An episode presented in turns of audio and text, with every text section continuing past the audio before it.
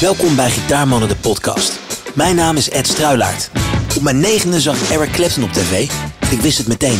Dit is het. De gitaar zou vanaf dat moment mijn leven beheersen. In deze podcastserie praat ik met mijn favoriete Nederlandse gitaristen. Wat was het moment waarop zij vielen voor het magische stuk hout? En heeft de gitaar hun leven echt veranderd? Vandaag praat ik met Pablo. Je luistert naar Gitaarmannen, de podcast. Ja, Ja. ja, ja. Hallo mensen thuis. Eerst even voor de mensen thuis. Eh, of in de auto, of in de sportschool, of weet ik veel waar je bent. Eh, laat het me eigenlijk eens weten waar je bent als je dit luistert. Eh, een klein luisteronderzoekje. Eh, leuk in ieder geval dat je luistert naar de Gitaarmannen podcast. Dit is seizoen nummer 1. Mijn naam is Ed Struilaert. Eh, en deze podcast maak ik uit liefde voor de gitaar. En voor de mensen die erop spelen natuurlijk. Eh, het komt voort uit mijn theatershow Gitaarmannen van Clapton tot Sheeran. En in het najaar van 2019, dit jaar dus, gaan we in reprise. Dus koop die kaartjes mensen. Nice. Vandaag is mijn gast Pablo van der Poel, gitarist en zanger van eh, De Wolf, producer ook. Ehm, dank voor je gastvrijheid dat ik hier ben in jullie, eh, jullie, Tuurlijk. jullie thuishonk. Graag gedaan. Jullie, eh, hoe, hoe, hoe noemen jullie dit eigenlijk? Jullie Wolf Eh, of zo? Of Electrosaurus Headquarters. Electrosaurus Headquarters. Ah, mooi, mooi, mooi. Denk Ehm, ik. Zo refereer ik er nooit naar, maar dat, dat zou wel leuk zijn. Ja, om dat wel te doen. Ja. Ja. Hey, jullie, dit is echt jullie thuishonk, hè? Ja, Hier doen jullie alles. ja eigenlijk wel. We zijn hier eh, vijf jaar geleden ongeveer naartoe verhuisd. En eh, dit was ook de basis, of dit was de reden waardoor iedereen van ons drieën in Utrecht is komen wonen en ook blijven wonen. Ja. Dat die studio hier is. En ja, we, we hebben hier onze laatste drie platen opgenomen. En, ehm, of ja, tweeënhalf. En eh, we doen hier superveel. Ik neem hier andere bands op. En ehm, Ja, jij produceert ook. ja. Ja, ik heb hier denk ik... Ik, heb hier, ik, ik had het gisteren met iemand erover. Ik denk dat ik hier inmiddels misschien wel iets van 50 bands of zo heb eh, Zo. opgenomen. Ja, nou goed. In vijf jaar is dat niet superveel misschien. Maar wel tussen alle toeren. Ja, en, eh, precies. Als je een succesvolle eigen door. band hebt, is dat wel, eh, wel even een dingetje natuurlijk. Hey, en alles is hier analoog. ja, Er is hier, ik heb nog geen computer behalve gezien. jouw podcaststudio. Ja, precies. is dit dan ook het eerste digitale wat hier ooit binnen is gebracht? Ik heb wel een telefoon, moet ik Oh, eerlijk ja, ja, toegeven. precies. Ja, ja. Nee, ik heb wel. eh, ik, eh, ik mix wel vaak eh, digitaal. Eigenlijk. Oh, Maar, de opname box gaat of, altijd analoog. Echt helemaal, dan, ben je dan helemaal in de box aan het mixen? Of is dat... Ja. Ja, ik vind deze studio is zo van gemaakt om analoog op te nemen. En, en ik kan hier ook mijn laptop natuurlijk aan de mengtafel hangen. Maar Ja. om dat dan weer te verbinden met al die analoge keer, dat vind ik zo omslachtig dat het Ja. eigenlijk dat. Ik, ik, ik mix heel erg op gevoel. mhm. En eh, analoog kan dat supergoed. En digitaal ook, vind ik ook superleuk. Ehm, maar om dat dan, eh, om dan allemaal fratsen te moeten uithalen om het te laten werken met latency en zo, dat Lastig. Ja. Dat is een beetje gedoe inderdaad. Ja, dat, eh, daar weet ik alles van inderdaad. Ehm, even kijken, laten we het vooral vandaag gaan hebben over de gitaar. Ja. Ehm, wanneer heb jij de gitaar voor het eerst ontdekt? Mijn vader die zong altijd in een eh coverband. vanaf dat, ik weet niet, vanaf dat ik zeven was of zo. Nee, vanaf zijn dertigste verjaardag. Oké. Dus toen was ik acht, zeven. Ja. Eh, en eh, toen ehm, ging ik, eh, vanaf het moment dat hij dat deed, ging ik altijd mee naar repetities en naar optredens als het even kon, zeg maar, als het niet te laat was. En, maar in ieder geval elke week ging ik mee naar die repetitieruimte. En de gitarist had een eh, Gibson Les Paul. Ah, En ik weet niet, er was iets daaraan waardoor ik super graag gitaar wilde spelen. ja. Het geluid, het, het, hoe het eruit zag, alles. En toen... eh, en het kwam ook een beetje voort uit... eh, op mijn zevende werd ik fan van Metallica. Oh, En ehm, ik weet niet precies hoe dat kwam, want mijn vader luisterde dat eh, niet. welk album was dat? Weet je dat nog? Ik denk... Ik kreeg... Dat was net de tijd dat je cd's kon branden. En een, Ja. en een vriend van mijn vader, die brandde dan allemaal cd's. En die had een heavy muzieksmaak. En dan de cd's die waren mislukt of zo, die gaf hij dan aan mij. Dat bleken de daadwerkelijke opnames te zijn. Nee. ja, precies. Was dat dat Nee, dat Saint was dan, Anger, eh, Saint Anger tijd? eh? Nee, nee, nee. Het was misschien wel die tijd, maar dat was niet de plaat waar ik naar luisterde. Waar ik heel veel naar luisterde was Reload, volgens mij. Oh, Reload. Ja, ja, ja, ja. Met eh, Give me fuel, give me fire. ja, toen kwamen ze een beetje weer een soort van... Oké, we gaan weer even stoer doen. Zo. Ja, als ik nu terugdenk aan die nummers, denk ik zo... Best wel raar, het zijn best wel lame riffs allemaal. Ja. En, eh, maar het komt wel een beetje uit een soort van bluesrock voort. Misschien is het allemaal van die pentatonische Ja, ja. dingen, weet je wel. Dat, dat greep mij, denk ik. En toen eh, werd ik toen ik... ehm, ik heb ook een, eh, mijn allereerste... ik heb een keer in groep 3 een playback show gedaan op school. En iedereen deed K3 en de Backstreet Boys. En ik deed Metallica. Heb ik zo'n opplak sick. Oh, echt waar? Een bandana. een nep gitaar gemaakt van triplex. Oh, te gek. En ehm, ja, dat is heel grappig. Eh, en toen, eh, toen ik negen was, eh, kocht ik mijn eerste gitaar. Dat is wel grappig, want ehm, Mooie leeftijd. ja, ik heb een keer meegedaan in een ehm, soort van theaterding. En daar was ook een tv-programma over gemaakt van Henny Vrienden. Gitaarjongens heette dat. Ja. En van al die gasten in die docu was ik de enige die zijn eerste gitaar zelf had gekocht. Oh, echt waar, ja? ik heb echt gespaard voor die eh, eerste Squire Telecaster. Maar dat was ook gelijk een, eh, een goede gitaar dus blijkbaar. Ja, ja, goed. Nee, Squire, Squire. Squire Telecaster. eh. Ik heb hem nog. Ik heb hem hier staan. Oh, te gek. Maar oh, ik die, heb- eh, Ehm, ja, toen ben ik op mijn elfde in mijn eerste bandje gaan spelen. En, en sindsdien heb ik eigenlijk niet meer geen dag gedacht dat ik iets anders zou doen dan muziek maken. En was er een nummer in die tijd waarvan je dacht van...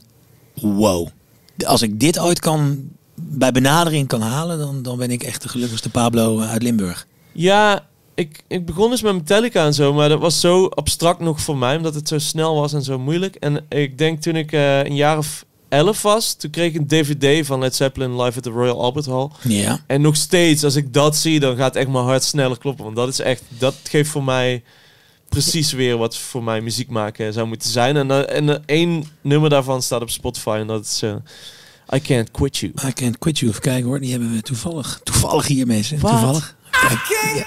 Quit you, babe. When I think I'm gonna push you down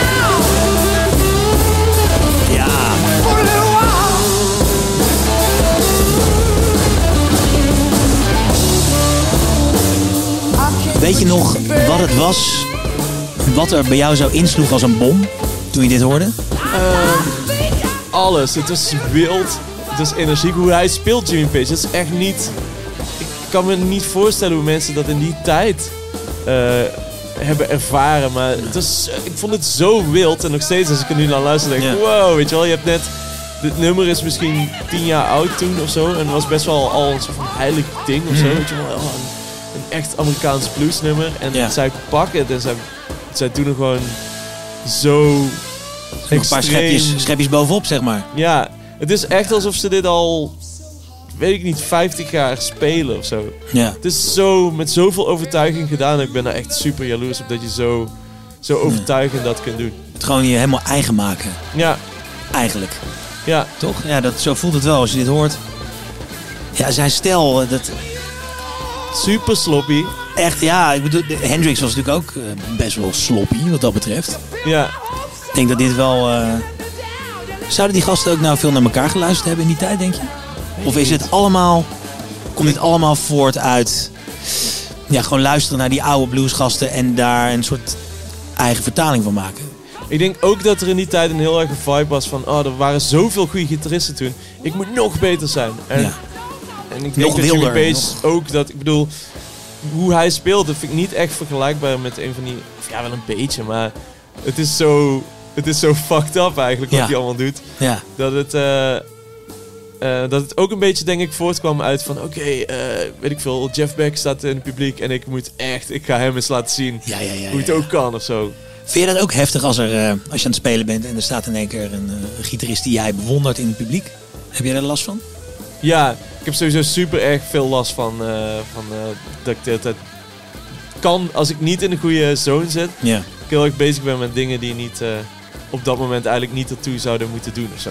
Heb je dan dat je, dan zie je mensen in het publiek staan en dan denk je, ah, fuck. Ja, of je staat met mensen op het podium waar je of tegenop kijkt of waarvan je weet van ah, die zijn heel goed en die, die, die snappen het allemaal. En dan sta ik daar en dan denk ik, ah, ik weet het allemaal niet. I'm not worthy. dan- ja, precies. En dan, en dan gaat het kut. Weet je, als ik in die vibe zit, dan speel ik ook niet goed.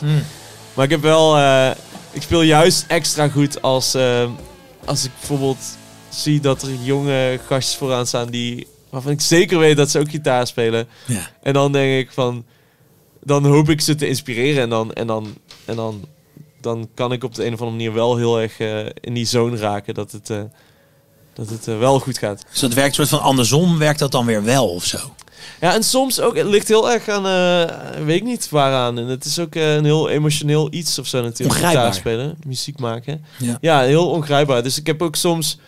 We toeren wel eens met de Dawn Brothers bijvoorbeeld. En Mhm. de gitarist van de Dawn Brothers, ja, ik heb hem heel hoog zitten. Hij is echt fantastische gitarist. Bas heet hij. En soms als hij staat te kijken, dan speel ik juist heel goed. Omdat ik bewuster gitaar speel, Ja. maar wel op een, weet ik veel, op een, eh, dat net een goede dag is of zo. Soms speel ik helemaal kut, omdat ik eh, probeer eh, mijn best te doen, maar Ja. lukt dan niet. En, dan verlies ik zo van de focus van waar het eigenlijk voor mij om draait of zo. Ja, dan gaat het een beetje in je hoofd zitten of zo.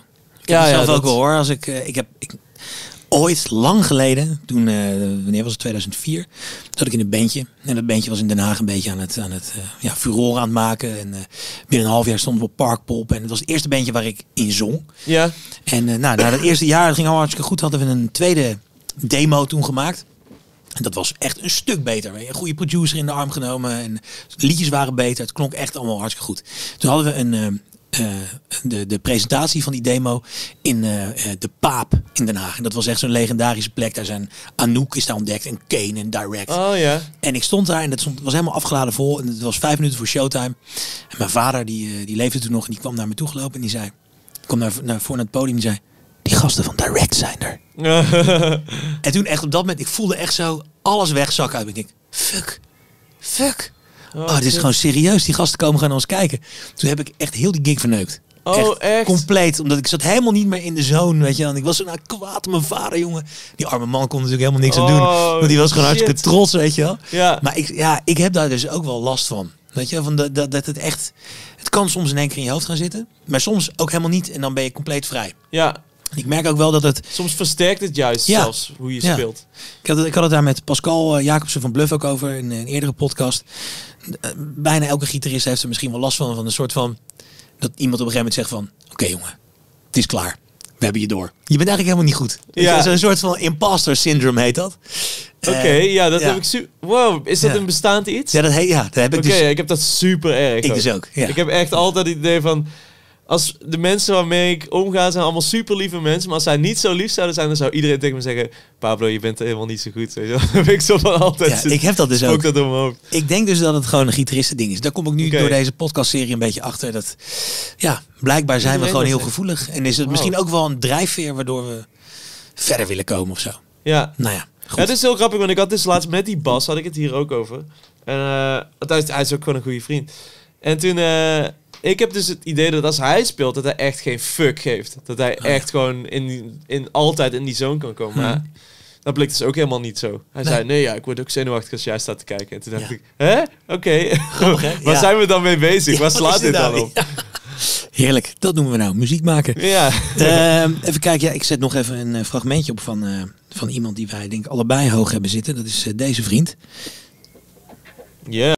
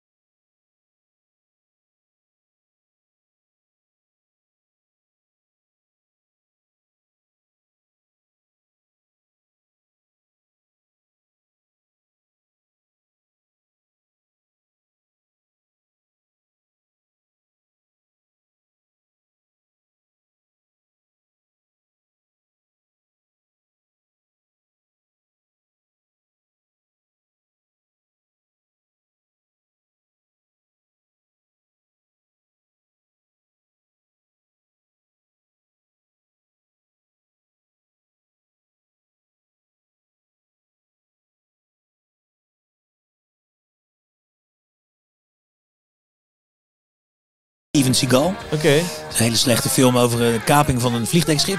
Door terroristen. en Steven Seagal gaat het wel eens even oplossen natuurlijk. Natuurlijk, ja. As he does.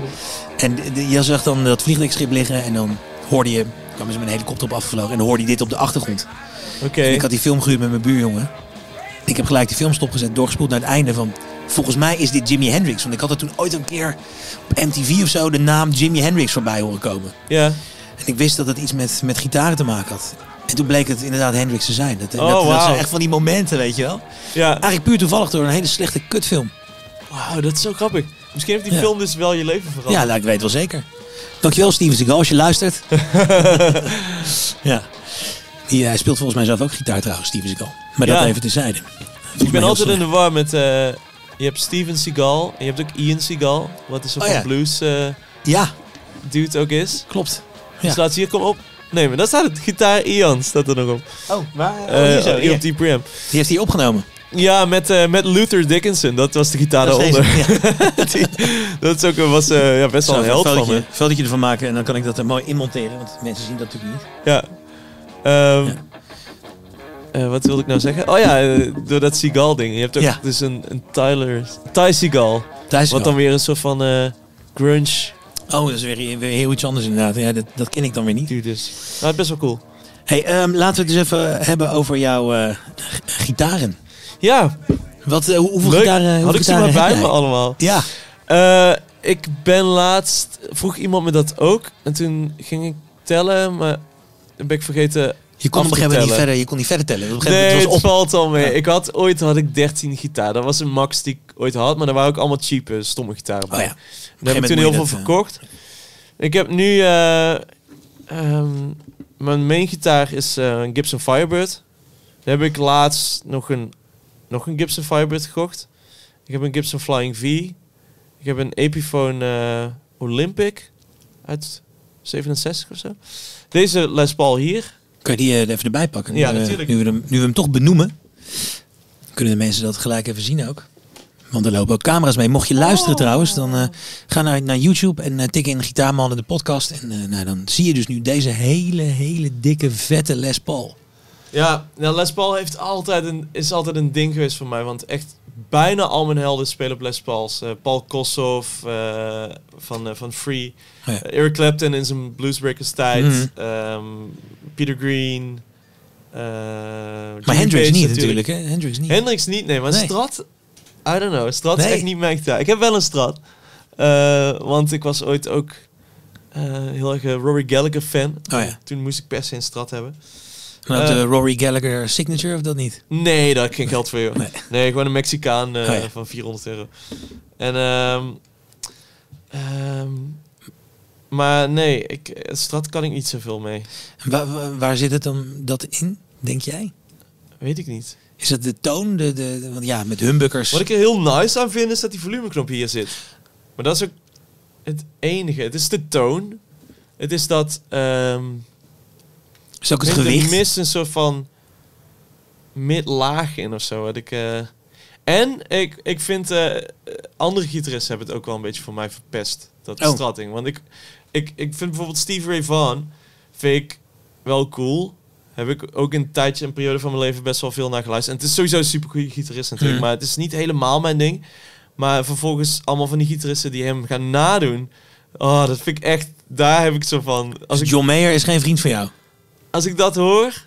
Hij is nog een hele goede gitarist, dus dat Ja. is wel oké. maar er zijn ook heel veel van die gasten die echt gewoon Steve Ray Vaughan helemaal nadoen, maar dan niet Ja. goed of zo. Nee, nee, nee. Niet, niet met diezelfde intentie of zo. En, dan, en dat heeft het een beetje voor mij verkloot. Als ik Ja, dan ja, zo, ja. zo typisch zo tussen de...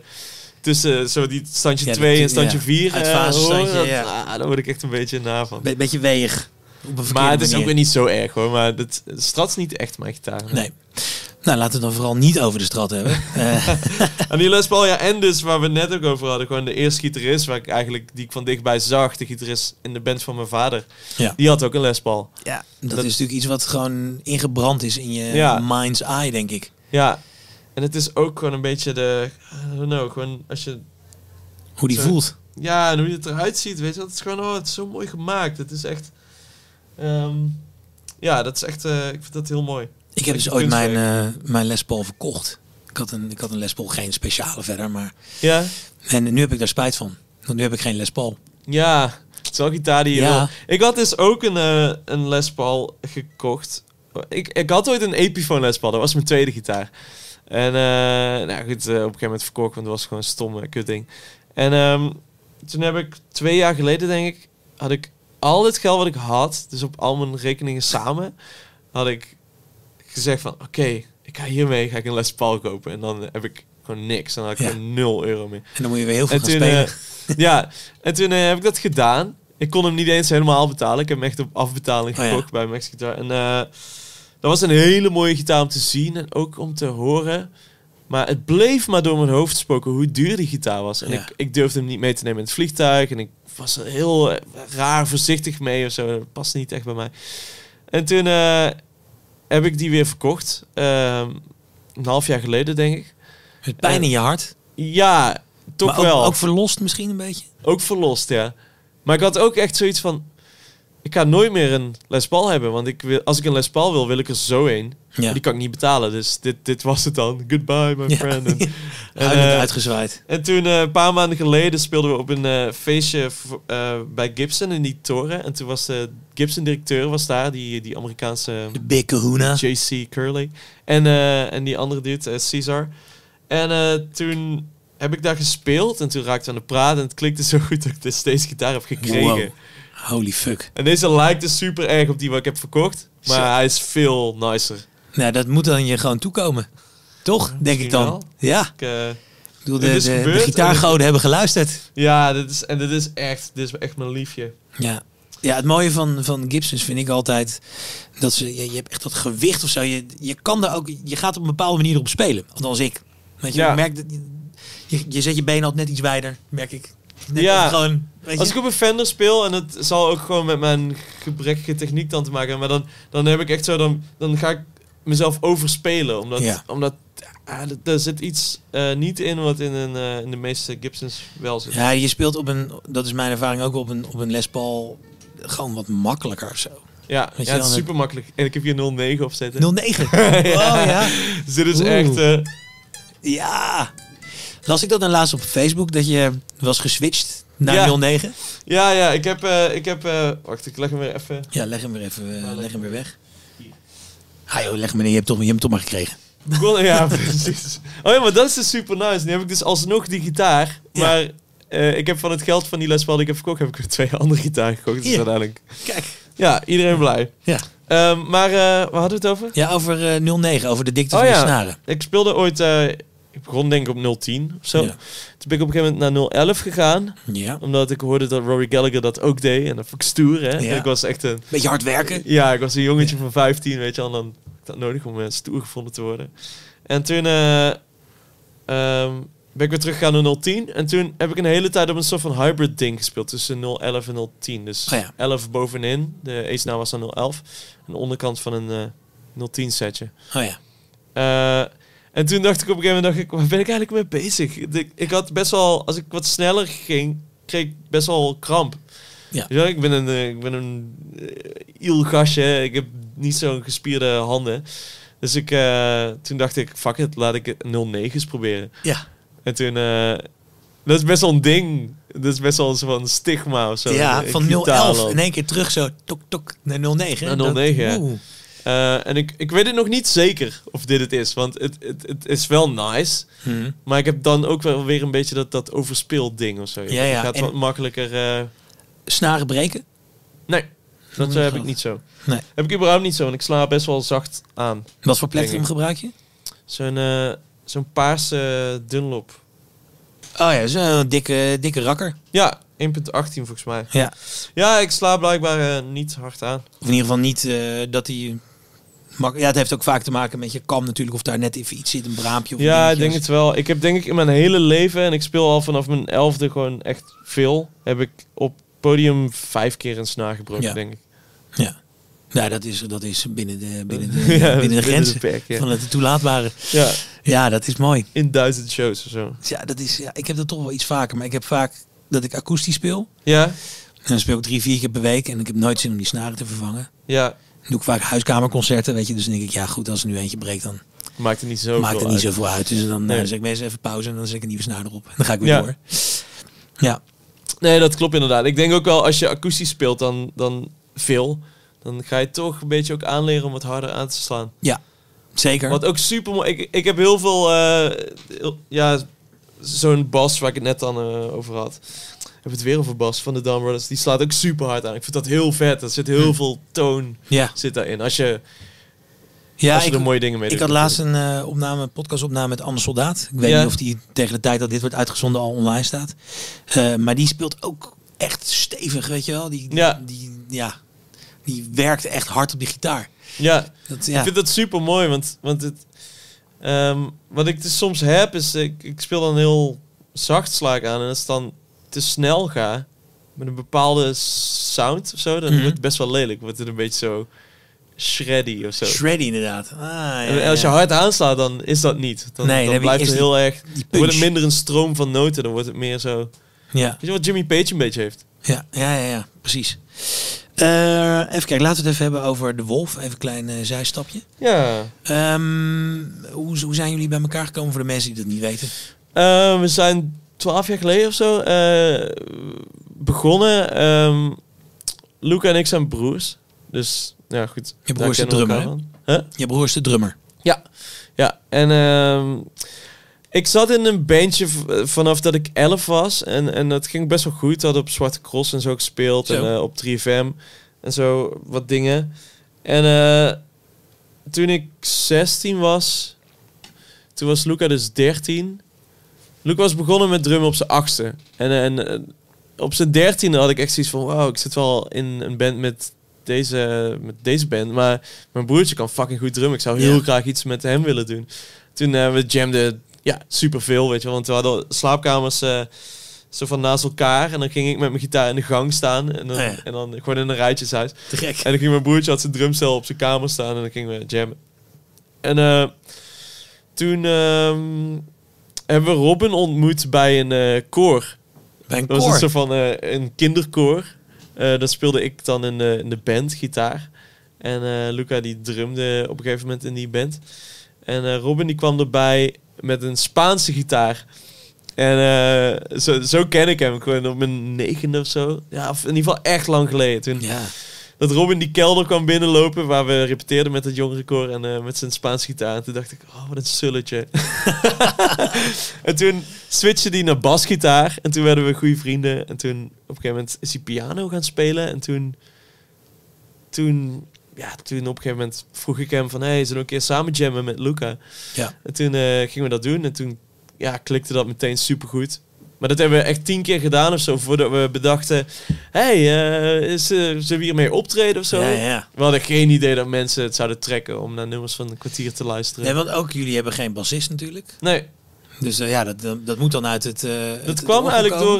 op, we hebben op bevrijdingsfestival dan, ja, super lang geleden, een keer de Green Hornet gezien. Ja. Je bent uit Groningen. Ja. En tenminste, volgens mij komen ze uit Groningen.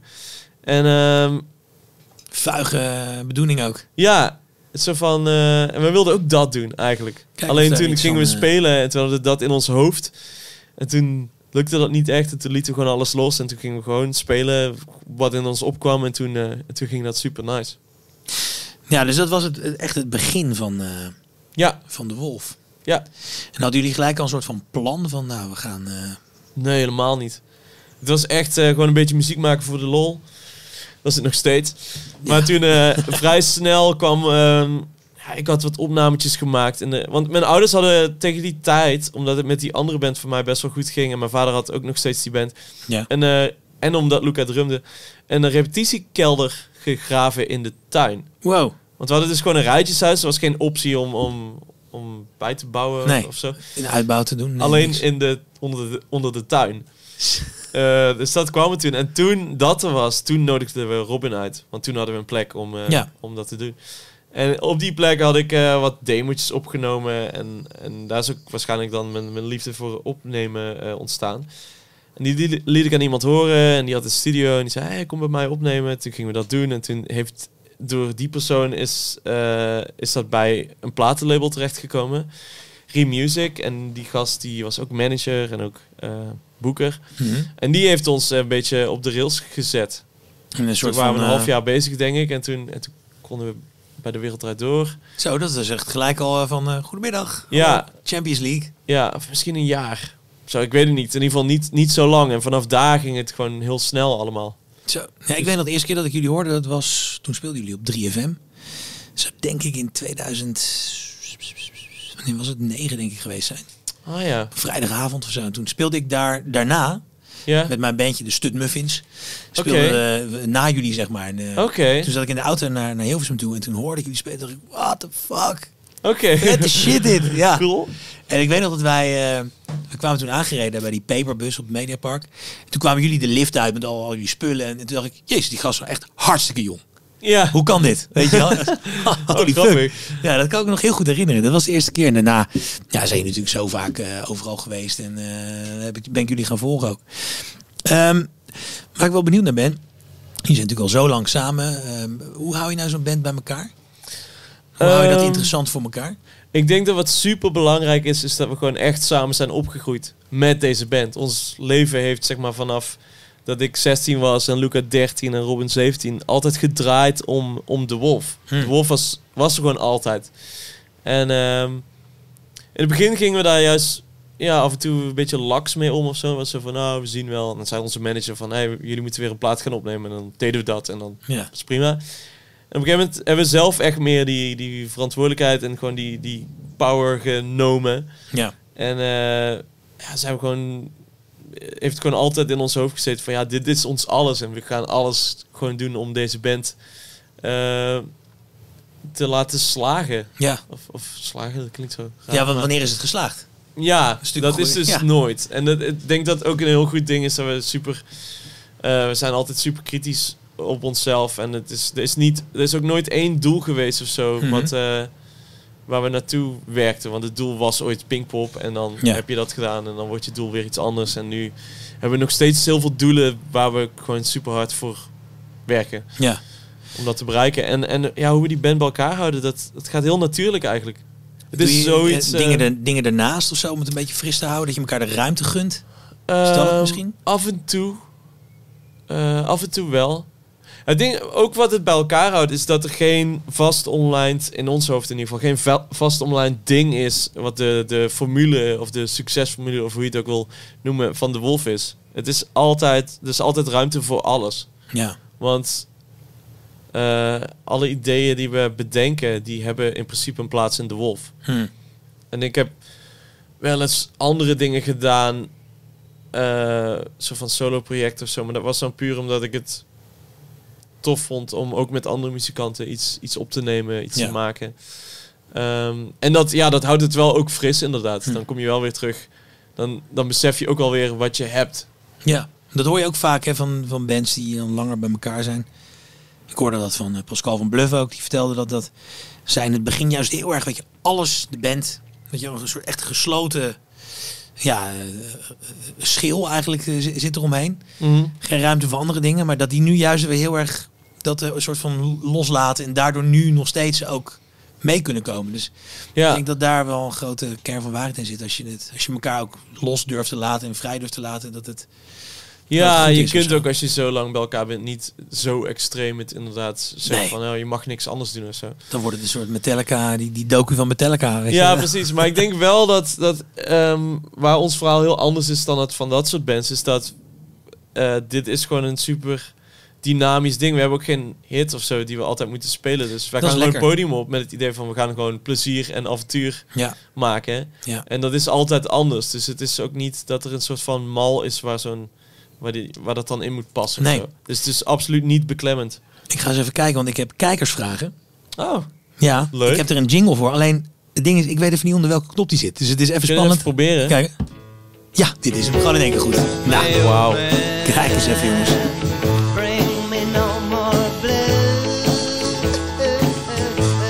Is dit?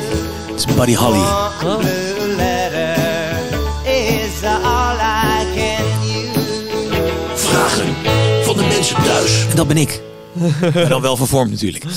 Goed. Eh, dat is een hele slechte jingle, maar dat mag. Dat is mijn eigen podcast. Ik vind hem leuk hoor. Ah, dank je. Dank je. Eh, Hidde Roorda, die vroeg op Twitter... Wat is de vetste gitaar waar je ooit op gespeeld hebt... die niet van jezelf is? Oeh, de vetste gitaar waar ik ooit op heb gespeeld die niet van mezelf is.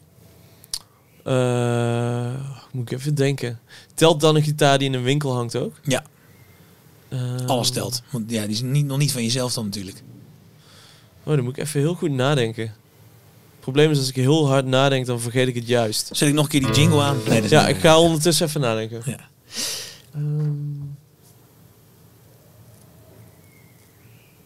We horen vogelgeluiden op de achtergrond. Zitten in Ja. Utrecht aan de Oude Gracht. Mocht je langs willen komen. Dat kan niet. Want dit is opgenomen. ik weet het niet zo goed. Ik, eh, Nou weet je, we, komen op het einde van de uitzending er nog wel op terug. Of niet? ja, is goed. Als het je in één keer te binnen schiet. Even kijken. mm, De volgende vraag is van Ton van Hemert. Facebook stelde die op de Gitaarman en Facebookpagina. Dus mocht je op Facebook zitten, tik even in de Gitaarman de podcast. Like die pagina mensen. Ehm, de vraag is of je nou wel of geen Limburg spreekt. Knipoog. Of ik wel of ja, ik spreek wel Limburgs. Ja, toch? Ik Ja, dat dialect. dacht ik Ja, eh, met mijn ouders. Waar, waar kom je vandaan in Limburg? eh Geleen. Geleen? Geleen. Oké. Is dat Noord of Zuid? eh? Nee, helemaal zuid. Zuid, Echt, eh, tegen de Belgische grens aan. Ja. Ja, want ik had eerder ook Stephanie Struik eh, te gast. Vroeger bekend als Stevie N. En die komt Oh. uit Noord-Limburg. Er schijnt dus inderdaad wel wat verschil te zijn. Ja, ik ken haar wel. via- eh, nou, dat is een verhaal dat ik eigenlijk niet in de podcast moet vertellen. Laat, Laat maar zitten. Beetje, nee, nee, nee, daar heeft het niet mee te maken. Oké. Eh, even kijken. Maar vooral, want het was een tweeledige vraag. Eh, heeft hij een particular reason om altijd de plug uit zijn gitaar te trekken bij een gitaarwissel? Brom. En dan weer in een nieuwe zonder muting. Express rock and roll. Ik vind het rete vet namelijk. Wat? Wauw. Goed, ja, dit we gaan diep Oh, in. ik wist niet dat mensen daarmee bezig waren. Ja. Maar wel grappig. Ehm, of ik daar een reden... Nee, daar heb ik absoluut geen reden voor. Ja, ik, ik, eh, ik hou niet van... eh, niet zo van pedalen trappen. Nee. Dus ik, ik, ik, hou, ik zou niet zo snel als ik... eh, ik vergeet ook vaak dat ik gitaarwissel heb. Dus ik moet dan gewoon even snel... Ja. Oh ja, eh, shit. En dan, dan doe ik dat gewoon. ja, precies. Ik wist niet dat andere mensen dat niet deden. Ik dacht dat iedereen dat altijd deed. Ja, ik druk altijd wel even netjes op mute. Omdat ik anders Oh. een boze geluidsman zie. En dan denk ik, nou oké. Oké, maar is misschien als je DI op een DI zit. Of, of ook gewoon met de amp. Nee, met een amp, ja, ik, als ik op een amp speel, dan wissel ik eigenlijk nooit zoveel. Oké, Dan heb ik gewoon één gitaar en daar doe ik het mee. oké. Over het algemeen. Wow, dus ik ben toch uniek. Je bent toch uniek. Ja, ja. Daar kom je dan nu achter inderdaad. Nou, Tom van Hemert, ik vond dit een hele goede vraag. Je hebt eh, niks gewonnen. Nou, misschien een luchtgitaar, maar dat weten we nog niet. Eh, even kijken. Oh, dat, dat wilde ik nog even vragen. Ehm, doe jij wel je plug zo door je band heen? Ja. Ja. Ik heb dat een tijdje niet gedaan, omdat Jimmy Page dat ook niet had op de Oh? Royal Albert Hall eh, show. Maar ik had dat zo vaak dat ik mijn Ja. plug eruit trapte of zo. Oh man, dat heb ik ook in het begin zo vaak gehad dat ik dan vol een solo inging en dan stapte ik naar voren. Toen was ik zelf niet, nog niet de zanger van de band. En dan stapte ik naar voren en dan kwam daar die solo en dan stap. Nee. eruit en dan, Het is zo Hey. lullig. hey, dus, hey, oh nee, fuck, weet je wel, ja, heel het moment weg. Dat is ook. Maar het is ook echt gevaarlijk, want je kunt ook gewoon, eh, als je een, eh, zo'n, eh, hoe heet het, zo'n hollow body of zo hebt, Mhm. dan kun je ook wel echt gewoon het hout breken. Als, Ja. je, als je gewoon die plug, als daar aan wordt getrokken met heel veel kracht en hij gaat scheef. Klopt, ja, dat is natuurlijk gewoon... eh, Dus er is echt geen enkele reden om het niet te doen. Nee, dus don't try this at home, kids. Nee. Oké, nou, eh, de volgende Ik heb zelfs een keer eh, eh, die Stratus, die ik Hmm. ooit had, daar speelde ik in mijn eerste bandje mee. En eh, toen speelden we op de Zwarte Cross. En toen was altijd best wel soort van explosieve eh, ACDC-achtige rock speelden we met die band. op het einde gooide ik mijn gitaar in de lucht, echt hoog, echt misschien wel vier meter hoog, Ja. om hem weer op te vangen. Maar mijn kabel bleef achter de monitor hangen. Dus hij kwam in één keer Oei. veel sneller terug dan ik verwachtte. En toen, eh, toen viel de gitaar, dus die kwam echt zo bam, neer op het podium. En toen was hij dus gespleten van de voorkant naar de achterkant. Gewoon de helft van die body was gewoon doormidden. En, eh, maar de kabel zat er wel nog in. Deed hij het nog? Deed hij het nog? ja, hij deed het nog. Ja. Eh, hij, hij klinkt alleen niet meer. Hij is gewoon helemaal dood, die gitaar. Ja. Het is gewoon, hij is gewoon in tweeën gebroken. Ah, zonde. Ja, dat is wel zonde. ja. Maar hoort erbij. Doet me altijd denken als je zegt dingen de lucht in gooien. Eh, de bassist van Nirvana, die toen tijdens de MTV Awards, ergens begin jaren 90, eh, speelde ze dat nummer. ik weet even niet wat nummer het was, met een hij zijn basgitaar omhoog. Ving hem op, maar vol met zijn gezicht ving hij hem op. En toen ging hij ook echt bijna oud, geloof ik. Dat was echt. Dat ik dacht, Oh, dat is- komt zo hard aan. dit ga ik nooit doen. Dit Nee. ga ik echt nooit doen. Dit is echt Nee, ik zal ook nee. niet, meer, zo- niet meer zo snel met gitaren gooien. Nee, tenzij je ze krijgt van Gibson. Nee, zelfs dat Nee, niet. Nee, dit was een Fender, hè? Daar ja, kun je wel, daar kun je wel mee gooien. Die zijn ook licht. is ook licht, Ja. ja. Eh, Richard Lagerwij op eh, Facebook die zegt of hij veel heeft gehad aan de tips en commentaren op de gitaarforums waar hij in het begin van zijn carrière regelmatig op te vinden was. Daar ken ik die naam van. Kijk. Nee, want in die tijd dat ik op die forum, fora zat, was ik echt een super eigenwijze puber. Ja. En vond ik mezelf echt de beste gitarist ter wereld. Oh cool. Eh Dus toen was alles wat iedereen kon ik zei. maar was- terug naar die tijd. nee, ik had juist... Ik was mijn allereerste post in die... eh, ik zat vroeger op gitaar.net. Nog steeds eigenlijk trouwens. Ik, ik heb het alleen echt al... Ik, zou niet eens meer weten wat het wachtwoord is. Anyway, eh, mijn eerste post was een reactie op iemand die zo'n 19-inch rack had eh, gepost met zo'n. Boogie voortrap en een Marshall eindtrap en dan zo'n TC Electronics Oh eh, ja. dingen. Echt best wel had ik gereageerd. Ah, dit is zo lelijk. dit is echt het allerlelijkste. Waarom zou je dit willen? Ja. En toen ging iedereen echt op mij inhakken natuurlijk. Ja, ja. Nu achteraf wel. Echt zo van, wat is dit? wat denk jij wel niet met je, met je stomme reactie en je eerste reactie op het forum Ja. en dan zo negatief naartoe Gelijk even binnenkomen. Goedemiddag. Ja, Daar zijn we dan. Ja, precies. Zo, zo was ik. Eh, beschouw je jezelf als een, eh, als een purist? Ja, want ik heb nog altijd zo van die rare gedachten in mijn hoofd. Of de, rare verlangen om zonder pedalen te spelen. Zeg maar, om zo één lange kabel naar achter rechtstreeks in Oh ja. amp te hebben. Ehm, dus misschien maakt dat me wel, überhaupt die gedachte al, mijn purist. En ik hou ook niet van grote pedalboards. Nee. Ehm, Bescheiden pedalboards. Eh, zo min mogelijk... eh, ja. zo min mogelijk van je toon wordt afgesnoept. Moet het wel... nee, moet ja, het gaat dus om het principe en dat, maakt mij dus een purist. Het gaat niet Ah, om, ja. als iemand een vette toon heeft, ja, is cool, weet je wel. Als Ja. ik dan zie dat hij een supergroot pedalboard heeft, dan ben ik echt zo, oh, dat is veel Ja. stom. Wat heel dom is, ik kan er niks aan doen, maar dat is een beetje... Lekker, lekker snobby gewoon. ja, ja. lekker snoppy Nee, inderdaad. ja, dat mag toch? Ieder zijn, ieder zijn ding. Eh, Ja, dat is trouwens wel zo. Ik heb wel uiteindelijk zoiets van, ja, weet je, als je coole toon hebt, heb je coole toon. En, en of je dat nou met een camper doet of met een... eh dat moet echt iedereen zelf weten. Ik, het alleen, ik heb alleen zelf gewoon al een heel duidelijk beeld van hoe ik, Ja. hoe ik wil dat zoiets... En van, van gitaristen die je cool vindt, van platen die je cool vindt, wil je, als het met een camper is ingespeeld, wil je het nooit weten.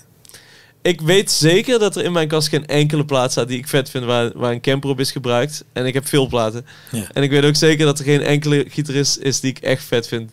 Die een echt vette sound heeft. Ja. Eh, voor mij dan. Die Ja. op een camper speelt. Dat weet ik. Ja, ja, ja, precies. Ja, het valt me op, die campers die worden voornamelijk heel erg gebruikt door die metalheads. Mhm. Ja. Dat is, ja, en dat begrijp ik ook wel, dat je het daarvoor, daarvoor is het heel goed geschikt, weet je wel. Ja, Het is super, eh, ja, hoog, veel gain zou je denken, rauw of zo, maar het is Ja. juist heel gelikt of zo. Ja. En dat, daar is zo'n camper super goed in. Weet je Ik heb hem in de studio, ik heb hem een tijdje live geprobeerd, Ja. maar ik, eh, nee, het was het Het niet. mooie ding aan, aan gewoon echte versterkers of analoge apparatuur is dat het soms dingen doet die je niet had verwacht. Ja, Want wat mij altijd heeft tegengestaan aan die modeling dingen ook is eh, waarom zou je willen dat jouw versterker precies klinkt als de typische Hm. Silverface Fender of zo. Je wilt toch je eigen sound juist maken. Ja. En dat doe je door een beetje aan die knopjes te draaien en dan heb je iets gevonden waarvan je denkt van wow, dit is apart. Ik wist niet dat dit in die versterker zat of zo. Ja. Ik ben nooit op zoek naar de typische Marshall sound of de typische nee, ik zou ook eigenlijk niet zo goed weten wat dat is. Of zo. Nee. Ja, ongeveer wel natuurlijk, wat de typische Marshall sound is. Ik bedoel, luister Als ik aan typische Hendrix. Marshall sound denk, dan, dan heb ik instant gewoon een, een best wel eh, foute hardrock eh referentie of zo. Terwijl ik speel 80. zelf op Marshall en dat, Ja. Het kan ook super anders klinken. Ja, ja, ik denk altijd, weet je, die JCM, dat is het 800, die overal Ja. in die oefenruimtes altijd stonden vroeger. Ik weet niet of het nu nog zo is, maar Ja, dat was echt gewoon de standaard amp die er dan stond. ja. Weet je, dat, ik werd er altijd heel blij van. Ik heb ook een tijdje op Marshall gespeeld, ja. eh, maar ik heb hem op een gegeven moment verkocht. Ik wilde Ja. toen op, op een Fox AC30 wilde ik en eh, die heb ik ook weer verkocht. Ja, wat, wat ik niet nice vind aan die Marshalls is dat oef, oef, oef, die oemf zo onderin. Dat maakt het heel erg eh Ja. hardrocky. Ja, Maar ehm, ja, het ligt ook heel erg aan de amp. ja, Ik speel zelf op een JTM 45 live. En die kan dat ook wel hebben, maar ja, dan moet je gewoon... Dan kun je ook eruit draaien, je. Tuurlijk, Als je ja, niet je je- bas op eh 5 zet of zo. precies. Gewoon een uh, Stratocaster erin pluggen. ja. En ik heb hier zo'n eh bluesbreaker staan in die andere ruimte. En eh, zo'n 18 watt ehm handwired ding. En dat is echt de mooiste versterker die ik ooit heb, eh, ooit heb gehoord. Had je, die niet ook, had je die bij je toen ook eh onstage toen? We hebben toen samen gespeeld bij dat ding van Joris Luts. Eh, Ja, alleen daar komt hij dus helemaal niet tot zijn recht on stage. Het is echt een studio ding. ja, ja, ja. Want hij moet eigenlijk... Hij, hij saturate heel snel, echt vanaf vier al of zo. Hm. Dus je moet hem daar een beetje onderhouden. ja. Of in ieder geval, dat vind ik het mooist. Eh, maar ja, dan sta je op het podium en denk je, ja, het is toch te zacht. En zet je hem harder en dan lijkt het ook alsof hij een beetje harder is. Maar hij is vooral gewoon meer saturated. En Ja, dan- ja, ja. eh, dat is niet bevorderlijk voor de klank. En dan eh, zo'n loadbox ertussen. Nee, want dan wordt hij juist nog zachter, maak je hem daarmee. Ja, oké, ja, precies. En, Gaat hij eh, nog eerder... eh, Dat zou je eerder gebruiken als je meer gain wil en minder eh, volume. oh ja. Ik heb wel zo'n loadbox voor mijn JTM 45, maar ik weet het nog niet. Nee. Ik heb het twee optredens geprobeerd en ik vond het echt niet nice. Want, want rock'n'roll staat voor mij dus blijkbaar ook gewoon een beetje voor volume. Ja. Er moet wel volume zijn. En Tuurlijk, dat is toch, je wilt voelen toch? ja, en ik speel, ik speel ook dynamischer als ik gewoon hard sta. Want ik kan ook... Je hebt veel meer power, of als in niet power qua wattage, maar power qua...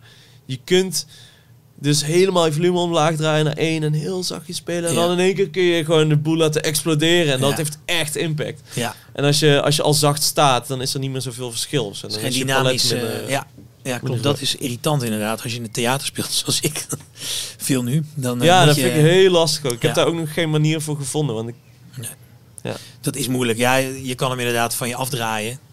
Maar ik wil hem eigenlijk gewoon... Ik wil mijn gitaar van achter horen komen. Ja. Dus ik wil hem voelen. Ik vind het ook moeilijk als ik hem... Ik heb hem ook wel eens een tijdje zo op de grond voor me gehad. Dus vol mijn bakkes. dat is niet fijn. Het is niet fijn. Want ook als je moet zingen, dan wil ik hem niet dat hij daar vandaan komt. Ik wil dat hij van achter komt, Ja. weet je wel. En ik wil hem voelen. Ik wil mijn broekspijpen bij wijze van spreken een beetje voelen, Ja, voelen trillen. ik snap het helemaal. Ik heb ook nog nooit een... eh, ja, ik heb nooit gitaar op mijn monitor of zo. weet je wel. Dat moet echt van die Ja. ene plek... Dat klinkt anders. Ja, Het voelt anders. ja ik, doe het dan wel in het theater, omdat het moet daar zo zacht. ja. Dat het, En eh, soms kom je er niet onderuit. Ja, ja. ik doe dat ook in, als, met theaterdingen. Maar ik vind het niet, eh, Nee. niet echt chill. Even kijken, we gaan even door, want Richard Lagerwij, bekend van eh, het Forum Gitaarnet dus, blijkbaar, die heeft nog een vraag. Oké. Heb je geen spijt van de spullen die je uiteindelijk weer verkocht hebt? Bijvoorbeeld een oude vintage Firebird, Gretsch White Penguin, Fender amps, etc. Ah ja, nee, helemaal niet eigenlijk. Ehm, ik, ik weet ook niet zo. Ik heb soms van die fases dat ik het echt leuk vind om dingen te verzamelen, een beetje Mhm. en te hebben dus. En soms denk ik ook weer, ah, weet je, ik verkoop het allemaal of zo. Ja. Ik, eh, maar ik heb, ik heb eh, oprecht nooit eh, gedacht, oh man, daar heb ik zo'n spijt van dat ik dat heb verkocht. Ja. Ik, eh, ik verkoop dan ook dingen die, waarvan ik echt denk van ja, hier heb ik zo lang niet op gespeeld. Dat ga ik gewoon niet missen. Zoals die White Penguin in- inderdaad. Ja. Of ehm, ja, ik heb laatst wat dingen weer verkocht. Ja, ik, heb, ik had een, eh, een eh, vintage eh, Fender Silverface ehm, Super 6. Hm. Dat is de grootste combo ooit gemaakt. 6 keer 10 Zo. zo'n ding. En eh, die heb ik super veel gebruikt live. Maar de afgelopen drie jaar stond hij hier in de studio gewoon niks te doen. Hm. En dat vind ik zonde. Houdt dat nog een beetje zijn waarde? Eh, ja. Ja, als je iets tweedehands koopt dan- van dat soort dingen, dan kun je altijd weer voor dezelfde prijs of meer verkopen. Ja. Soms wordt het ook gewoon meer waard.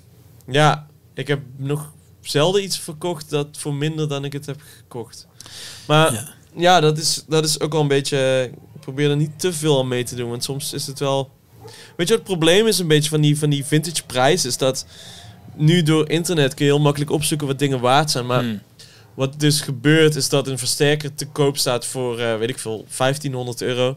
En die is helemaal nagekeken en die is helemaal top staat. En iemand anders ziet dat en die denkt, ik heb ook die versterker nog staan. Oh, 1500 euro, weet je wel. Dan wordt dan Ja. ook online gezet. En dan zijn er mensen die, die dat dus kopen, maar dat is het eigenlijk niet waard. Omdat Nee. Die is niet in dezelfde staat als die andere versterker. Maar zo worden dingen wel steeds meer waard. En uiteindelijk, Ja, vertroebelt het een beetje. ja, Ja. Oké, nou eh, Richard, dankjewel voor je vragen. Eh, dan heb ik nog een vraag, kan mij het schelen, we zijn er toch bezig. Erik Arts, op Facebook. Welke solo van welke gitarist, gitarist is hij jaloers op dat hij hem niet zelf ontdekt heeft? Die vraag snapte ik niet helemaal. ontdekt heeft. Ja, Wow. eh, ik, ik denk dat hij bedoelt... eh. Ja, of dat je hem niet zelf, dat je, dat je die niet- zelf inderdaad speelt. Ja. Eh, nou, eh, zo zou ik even denken aan Since I've Been Loving You van Led Zeppelin. Maar ergens denk ik ook, ja maar wat als ik die zelf had gespeeld? Dat was echt stom, want dan had ik niet zo van die solo kunnen genieten. Ja. Maar dat is er wel één. Of er is ook een de allereerste Boss Kerks plaat eh, uit 69. Daar speelt ehm, Dwayne Allman speelt daarop. Mhm. En daar staat een nummer op, Loan Me a Dime. Dat duurt 12 minuten en eh 8 minuten daarvan is Dwayne Allman solo. En dat is echt fantastisch. Mooi. Heel soulvol. Even kijken of die op... eh, ja, die is Ja. hebben we hier te pakken. Even kijken mensen. Of die eh 12 minuten 32 schoon aan de haak. Is het van de plaat... Ja, doet het niet. Ah, Oh ja, dat is hem. Daar komt hij. Dus op een gegeven moment... Ja, die solo zit op 4 of 5 minuten of zo. Op een straat. Ja, ja.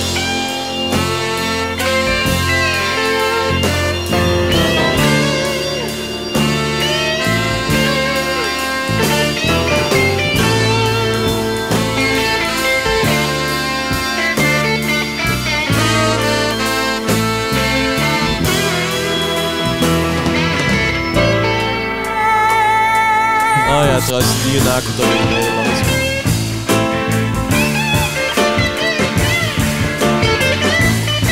Ja, dit is wel echt... Lekker op dezelfde positie blijven de hele tijd. Ja.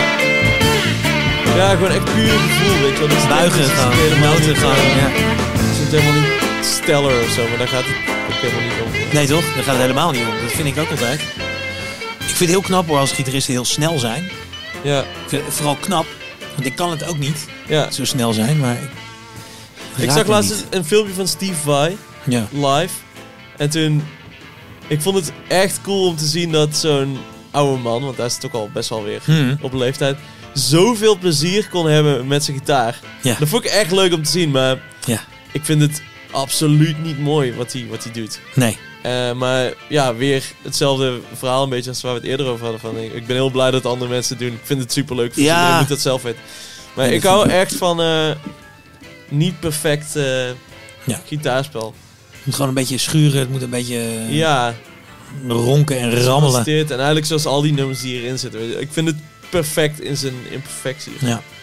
Nee, je- je, voelt gewoon dat deze man alles erin legt wat hij heeft. Zo. Ja. Dat is een soort van de opoffering. of Zo. Dat vind ik altijd... Ja, Gewoon, toen dit gespeeld is, dit was alles wat hij in zich had. ja. Dat hoor je. Dat voel ja je. dat vind ik fucking mooi. En, en die, gewoon die, die fingerprint van, van die guy die dat speelt. Ja. In dit geval dan Dwayne Allman. Maar van al die gasten uit dit lijstje, die hebben dat. Weet je wel, je hoort gewoon meteen dat zij het zijn. Terwijl, Wil je dat, dat mensen dat bij jou ook hebben? Of ik dat wil. Ja, je dat, je dat mooi vinden? Ja, wil- ja. Dat, dat, dat is zo van mijn hoogste doel wel. ja hè? Ja. Ehm, Dus op het moment dat ze een solo horen... Weet ik misschien dat je ooit eens een keer een, eh, weet ik een feature doet ergens bij iemand. ja, dat mensen dan eh, horen dat ik Hey. dat ben. Puur op basis van eh, hoe dat gespeeld wordt. Ja, Ja. Ik, ik hoop het. Ik weet niet of... Ja, ik ik soms dat- niet of dat nog mogelijk is. Nee, nee, ik moet altijd denken aan Stevie Ray Vaughan die dan Oh ja. meedeed met David Bowie geloof ik. Was het Ja. China Girl of zo? Of zoiets. Ik weet niet welk nummer. Of Jeff Beck die bij Private Dancer... Oh, dat weet ik niet. ja, volgens mij is het Jeff Beck. Nou, misschien, misschien maak ik nu wel een gigantische fout. Dus mensen wijzen me terecht als zo is. Maar volgens mij is het Jeff Beck. Weet je, je hoort gewoon dat het Dat niet dat zijn, ja. zomaar een eh, studio doet of zo. Nee, het is gewoon echt. Ja, je hebt natuurlijk ook, eh, vind ik zelf wat minder, eh, Steve Lukather. Ja.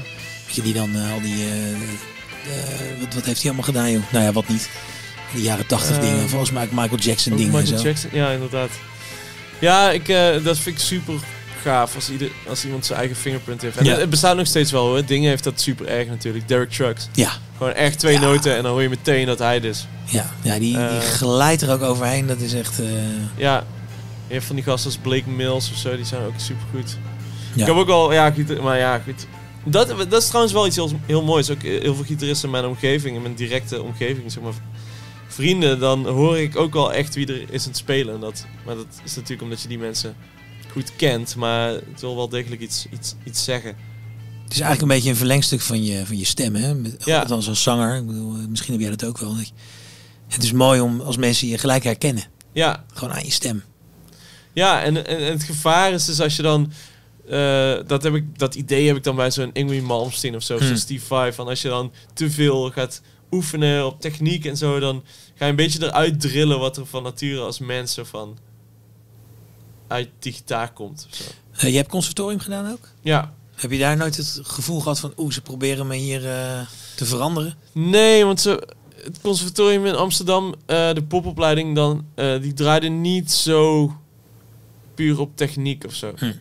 Ehm, als in, dat was wel, was wel een onderdeel van de, van de studie en zo natuurlijk. Maar het was niet dat je echt gedrild werd om eh, de volgende Nee. Amy Malmsteen of zo te Nee, worden. nee, nee. Juist, juist die, echt die fingerprint, dat was een heel belangrijk iets. Dat is denk ik ook daar was het wel, werd het gezien als zo van hoogst haalbare. Heb je daar les gehad van mensen die, eh, die het vernoemen waard zijn? Ja, eh, René van Barneveld. Ah ja, natuurlijk. Ja, die Een vaak fantastische gitarist. Ja. En super eh, leuke gast ook. Hij was mijn mentor in het laatste jaar, dus ik heb heel veel contact met hem gehad. Eh, Ja, maar ook wel een fingerprint natuurlijk. Ja, ja, zeker. Ik heb van hem eh, leren fingerpikken en allemaal dat soort dingen. Beetje slide techniek ook.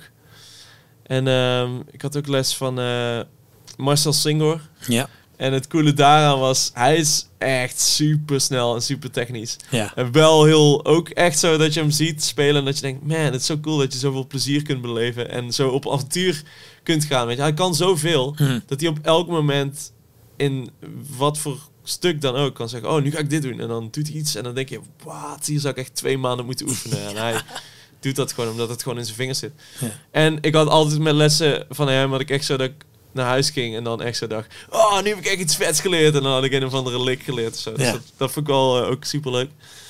En ehm, ja, dat waren wel denk ik de belangrijkste twee voor mij ja. op school. Hey, heb je wel eens eh, een van jouw helden ontmoet? Ik heb Robert Plant een keer ontmoet, maar dat is geen gitarist natuurlijk. Nee, oké, maar die is toch dichtbij. eh Ja, dat was echt... eh, ik heb echt gejankt daarna. dan, ja. dat- ik vond het zo... eh, ja, ik vond het zo sick dat ik hem kon ontmoeten. Hij was, hij was gewoon de, de gast die... die dus samen met Jimmy Page op die Royal Albert Hall DVD... Dat is gewoon mijn allereerste muzikale... Het is mooi dat je die nog kan ontmoeten, want al mijn helden die zijn nog hartstikke dood hebben al Ja. geklept en dan. En ik heb ook een keer, dat was wel heel grappig. Want ja, ik. Dus. Nadat ik Led Zeppelin ontdekte, ontdek, was in die tijd, in 2001 of zo was dat denk ik. Was er ook een band, eh, The Datsuns. En die was zo van garage rock, maar leunde ook wel best wel op dat Led Zeppelin ding. En dat was zo van het meest dichtstbijzijnde voor mij eh, bij Led Zeppelin hmm. als ik dat live kon zien. Dus ik ging dat eh, live zien en ik was helemaal fan van die platen. En toen eh, vorig jaar, een half jaar geleden denk ik, speel, speelde op een festival in, eh, in Spanje ergens. En toen zag ik een eh, dude in de backstage staan met een hele mooie oude Gibson Thunderbird bas. En eh, dus ik raakte met hem aan de praat en hij vertelde over die gitaar. En toen keek ik hem aan en ik stond echt al een kwartier of zo met hem te praten. En toen keek ik hem aan dacht ik, ik ken jou ergens van. En toen dacht ik, die gitaar... Ik zo, ben jij Dolph de Datsun van de Datsuns? Hij zo, ja meid. Hij was een Nieuw-Zeelander. Ik zo, dude. Toen kreeg ik zo tranen ogen. Ik zo, Ja. what fuck man. Je bent echt een van mijn allereerste muziekhelden gewoon. Weet je wel, door jou eh, ben ik eh, misschien wel muziek... Als door jou dacht ik... Jij was zo van de link tussen eh, Led Zeppelin en, en mezelf of zo.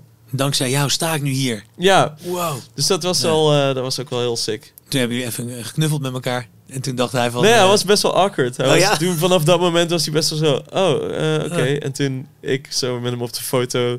En eh, ja, hij, op een gegeven moment zei hij echt zo, oké, ja, ik ga weer verder oefenen. Oké, En toen moest eh, ik weg. Oké, dan. dat is wel een beetje awkward. Hoe ging het dan met Robert Plant? Want die kom je ook niet even bij de bakken tegen. Nee, dat was ook heel raar. We speelden in eh, Zwitserland op een festival. En toen kwamen we daar aan. En dan was het super mooi groot amfitheater. En ja, eerlijk gezegd, als je op tour bent, na een paar dagen heb je gewoon zoiets van, oh ja, ik, Ja. zie wel waar we aankomen. Maar toen dachten we, je moet een grote band spelen. Want wij speelden ook aan het begin van de dag. En ehm, dus wat, wat speelde er later op de dag? En toen gingen we dat aan iemand vragen. En die zei eh, Robert Plant. Ik zo, wat? Nee, hoe kon ik dit niet weten? Ja. Wat sick! en eh, een, andere, een andere band die speelde was eh, C6 Steve. Hm. En C6 Steve hadden we alles ontmoet. Die was een keer naar ons toegekomen na een optreden. En die zei toen van... Wow, ik lag in mijn, in mijn, in mijn nightliner te slapen. En ik dacht... Dat, ik had een droom dat ik de Allman Brothers live zag in 1970. Maar toen werd ik wakker en toen waren jullie het. En eh het superleuk gesprek met hem. En dat was een jaar hiervoor. Dus we dachten, oh, misschien... Oh, dan C6 Steve is ook hier. En dan eh, misschien kunnen we via hem Ja. die andere backstage inkomen en Robert Plant zien. Er waren twee backstages dus. Ja, wij zaten in de kleine... In de mindere goden podium. Ja, en backstage. zij in die andere. Dus eh, dat lukte op op een bepaald moment. En toen, toen eh, werden we weggestuurd door de security daar, want toen was duidelijk dat we daar niet mochten zijn. En toen zei C6 Steve, zei, no, these guys are my friends en eh, ze mogen wel in mijn tent blijven. Dus toen gingen we in C6 Steve's tent en toen kwam dus Robert Plant. En toen eh, stelde hij ons voor aan Robert Plant en toen hebben we hem een plaat gegeven en een beetje gekletst. Ja, ik was echt totaal starstruck Ja. natuurlijk. En toen, toen vroegen we aan Robert Plant, eh, toen, zo van, toen hij weer ging, vroegen we, hey, mogen we misschien op de foto? Ja. Toen werd hij ook ineens heel raar, awkward. zo van, ah, bla, bla, zei hij iets over de gods, bla bla bla. En toen liep hij in zijn tent. En toen dachten we, kut, we hebben het verneukt. Ja. En toen zei C6 Steve ook tegen ons van, eh, hey guys, dat hadden jullie eh, niet moeten vragen. Hij wordt de hele Oh, dag fuck. lastiggevallen voor foto's. Ik zo, oh shit. sorry. Oh, kut, sorry. Sorry toen, C6 Steve. een half uur later kwam hij zijn tent uit om het podium op te gaan lopen. Eh, want toen begon de show. En toen zag hij ons en toen was hij zo... Oh ja, eh, foto. En toen hebben we nog een foto gemaakt. Zo. Dus ik sta wel op de foto met. Ah, dat is toch wel echt mooi, man. Ja, ja. Ah, heerlijk. Dus ja, misschien over eh 40 jaar komt er iemand naar jou toe en die zegt van... Hey man. Die zegt, die zegt ik een mag ik met Dat ga ik ook heel raar doen. Dat ah, heb ik heel geleerd van mijn helden. Ja, precies, ja. doen ook... Oh, mooi. Ehm, even kijken. Ja, we zijn al dik een uur aan het lullen, dus we moeten een beetje gaan afronden. Ehm, waar- Oh. ja, dat gaat zo snel. Ik, ik wil nog wel eventjes eh, een paar dilemma's Oh, aan je voorleggen. mooi. Ik heb daar het dilemma op dinsdagboek eh, liggen. Oh, nou dan pakken we die dan eh, na afloop even erbij. Ja. Welke gitaar pak je als eerste als je huis in de fik staat? Mm, ik En- heb en- momenteel maar één gitaar thuis hangen. Dat is Stel je voor. Paul. Al je Oké, stel gitaren. Ja, mijn je Firebird. Die Firebird, ja. Ja. Wat maakt die zo... Ja, dat, eh, daar heb ik zoveel mee gespeeld. Die gitaar ziet er gewoon ook uit alsof hij 50 jaar oud is. Dat kan niet. Eh, maar ehm, eh, dus ik heb die gewoon nieuw gekocht. En ik heb die gewoon. Ik heb dat, dat is echt een verlengstuk van mijn Ja. lichaam geworden. Ik voel die gitaar helemaal aan. En, en eh, het is een van mijn goedkoopste gitaren waarschijnlijk. Maar het heeft zo'n grote emotionele Ja. waarde voor mij. dat, dat, dat is gewoon... Dat ben jij. Ja. Ehm, je mag ook nog één stompbox meenemen. Eén stombox. Eén stompbox. Ehm, Welke? uit mijn brandend huis. Had je branden... is- Ja, het staat compleet in de fik. En je hebt net je gitaar buiten gelegd. Je komt terug. Rennen door een brandende gang. En daar, daar op het einde ligt nog net je pedalboard. Je vriendin, zou je vrouw eh, is ook al in veiligheid natuurlijk. Oh, nice. Oké. Heb je huisdieren? Eh, ja, een kat. Is, is ook veilig. Dus oh, nice. Je kan Eh, het nog doen. Ik kan nog één Ja. meenemen. Ik zou dan eh, gaan voor een Dr. No Octafus. Een Octavus. Ah. Ja. Gebruik je die veel? Nou, Of hoe, hoe gelukkig gebruik je niet. Hoe Want het is echt een fucking box eh, terror. Maar ehm, het is wel... Het heeft zo'n specifieke eh, vette sound dat het is altijd zo van... Als ik echt nog die laatste klap op de vuurpijl Ja, dan gaat die aan en dan... Die, die kan je waarschijnlijk niet blenden of zo. Dat is gewoon aan. Nee, dat is gewoon echt heavy. Maar hij heeft wel, eh, hij heeft wel heel veel. eh, je kunt er wel heel veel mee doen. Want je kunt bijvoorbeeld als je je gitaarvolume terugdraait op je nek pick-up speelt, dan eh, krijg je echt gewoon een heel duidelijk octaaf boven je, Ja. boven je toon. En daar kun je heel coole dingen mee doen. En als je die octaaf uitzet, want hij heeft dus een aan-uit switch, dan heb je ook gewoon een hele mooie fuzz. De Octavus gaat mee. Nou, dan, eh, nou die, die staat hier niet op, maar... Nou ja, goed. Je hebt je gitaar. Je hebt je, je vrouw. Je hebt je kat. Je hebt je... Ik Pedaaltje. ga nog één keer terug, want ik moet nog één versterker. Ja. Uit mijn hele collectie. Welke neem je dan? Ehm, Ondertussen heb je zelf al derde graads brandwonden. Geval aan je armen. Maar je, Ik zou, denkt, eh, ik doe het gewoon. Mijn handen zijn nog oké. Ik kan nog. ik zou mijn. eh weet ik niet. Ik denk eh, die Marshall eh, 1973X. Heet die. Maar het is ook best wel een makkelijke keuze. Want ik heb eigenlijk drie dezelfde. De versterkers die ik nu heb zijn eigenlijk drie varianten van dezelfde. Ja, dus eigenlijk maakt het niet zoveel uit welke van die drie ik meeneem. Het zijn allemaal Marshalls. Het is allemaal een soort van bluesbreaker idee. Ja. Ik zit even te kijken, want volgens mij alle andere dingen hebben we eigenlijk al stiekem een beetje, een beetje behandeld, weet je wel. Versterker, standje bloed uit de oren of lekker binnen de perken. Nou, volgens mij standje bloed uit de oren. Ja, al ben ik wel een beetje... Het is wel een beetje genuanceerder geworden. Het is een beetje ertussenin nu. En ik had, vroeger had ik dus eh, Bloed uit één oor. bloed uit één oor, ja. Oké. Vroeger had ik die 100 watt Super Six en nog een 50 watt Bluesbreaker ernaast. En dat was echt hard. Ja. Stond ik altijd gedraaid, omdat het anders te hard was. En nu heb ik gewoon alleen die JTM 45, 30 watt. Ja. Dus het is best Prima. wel binnen de perken. Ja, ja, kan nog. eh reten hard natuurlijk. Als je, Ja. hè? Hij projecteert heel hard, dus waar ik sta is het oké. Ja.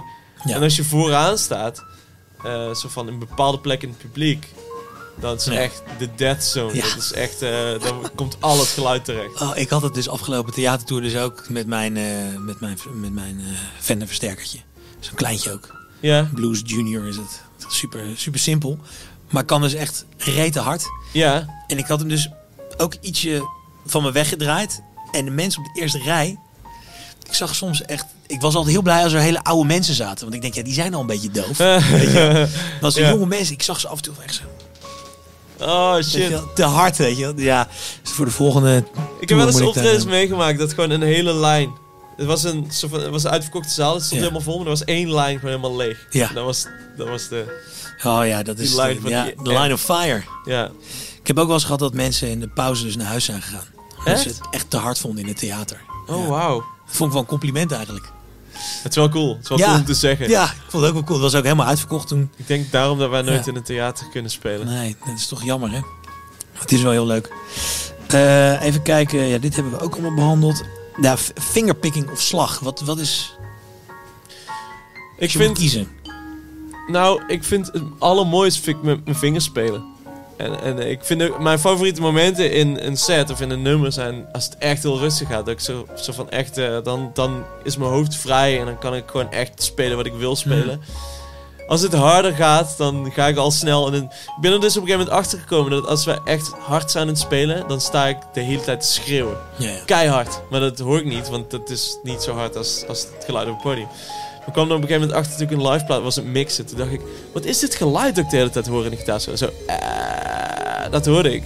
En toen ging ik goed luisteren, alle kanalen en de gitaar. Je kan het niet vinden. Toen bleek het mijn zangmic te zijn. Dus ik stond dan op twee meter van mijn zangmic. En, dan- en dan stond ik gewoon te schreeuwen. Ja. super raar.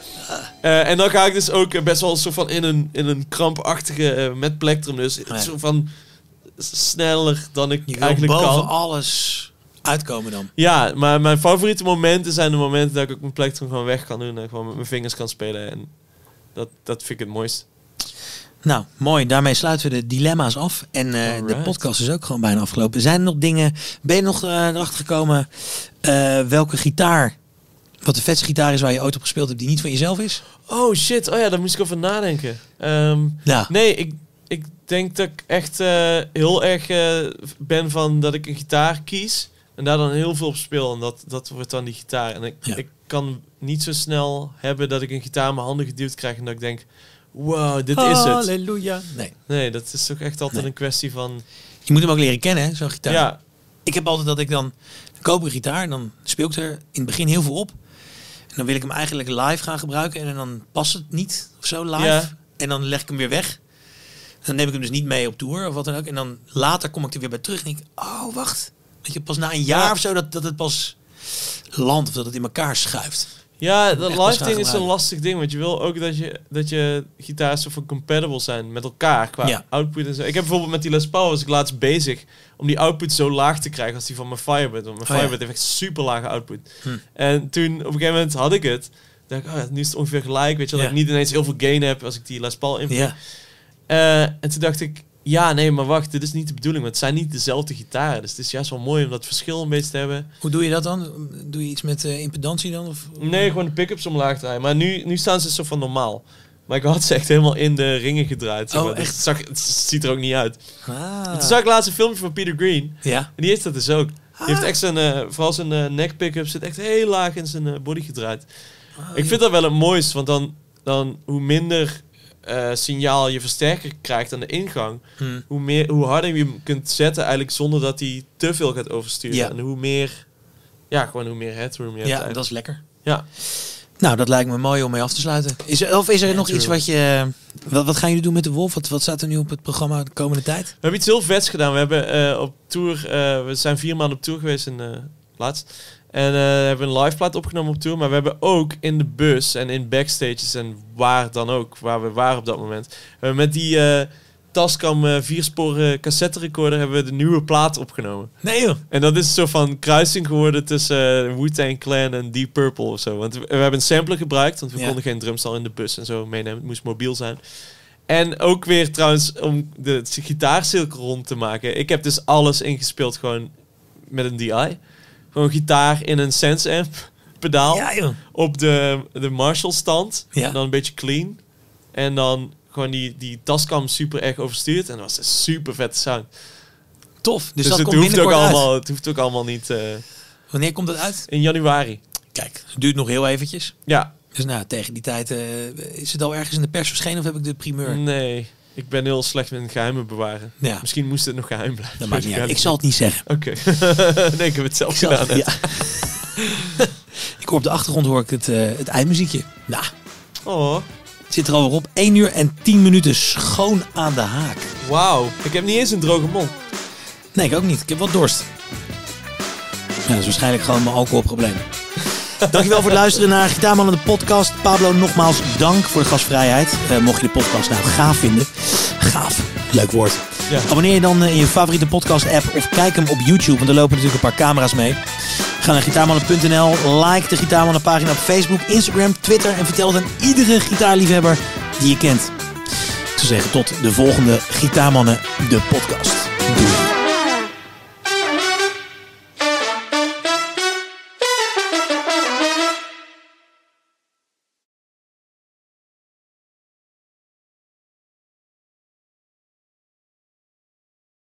Hey, dankjewel voor het kijken. Wil je op de hoogte blijven van de Gitaarmannen podcast? Abonneer je dan snel op mijn YouTube kanaal. Abonneer je natuurlijk ook in je favoriete podcast app en kijk af en toe eens op Instagram, Twitter en Facebook. Als je nou helemaal niks wil missen, ga je naar gitaarmannen.nl en dan kijk je waar ik in het theater kom met mijn gitaarmannen van Clapton tot Sharon Theatertour. Zie je daar.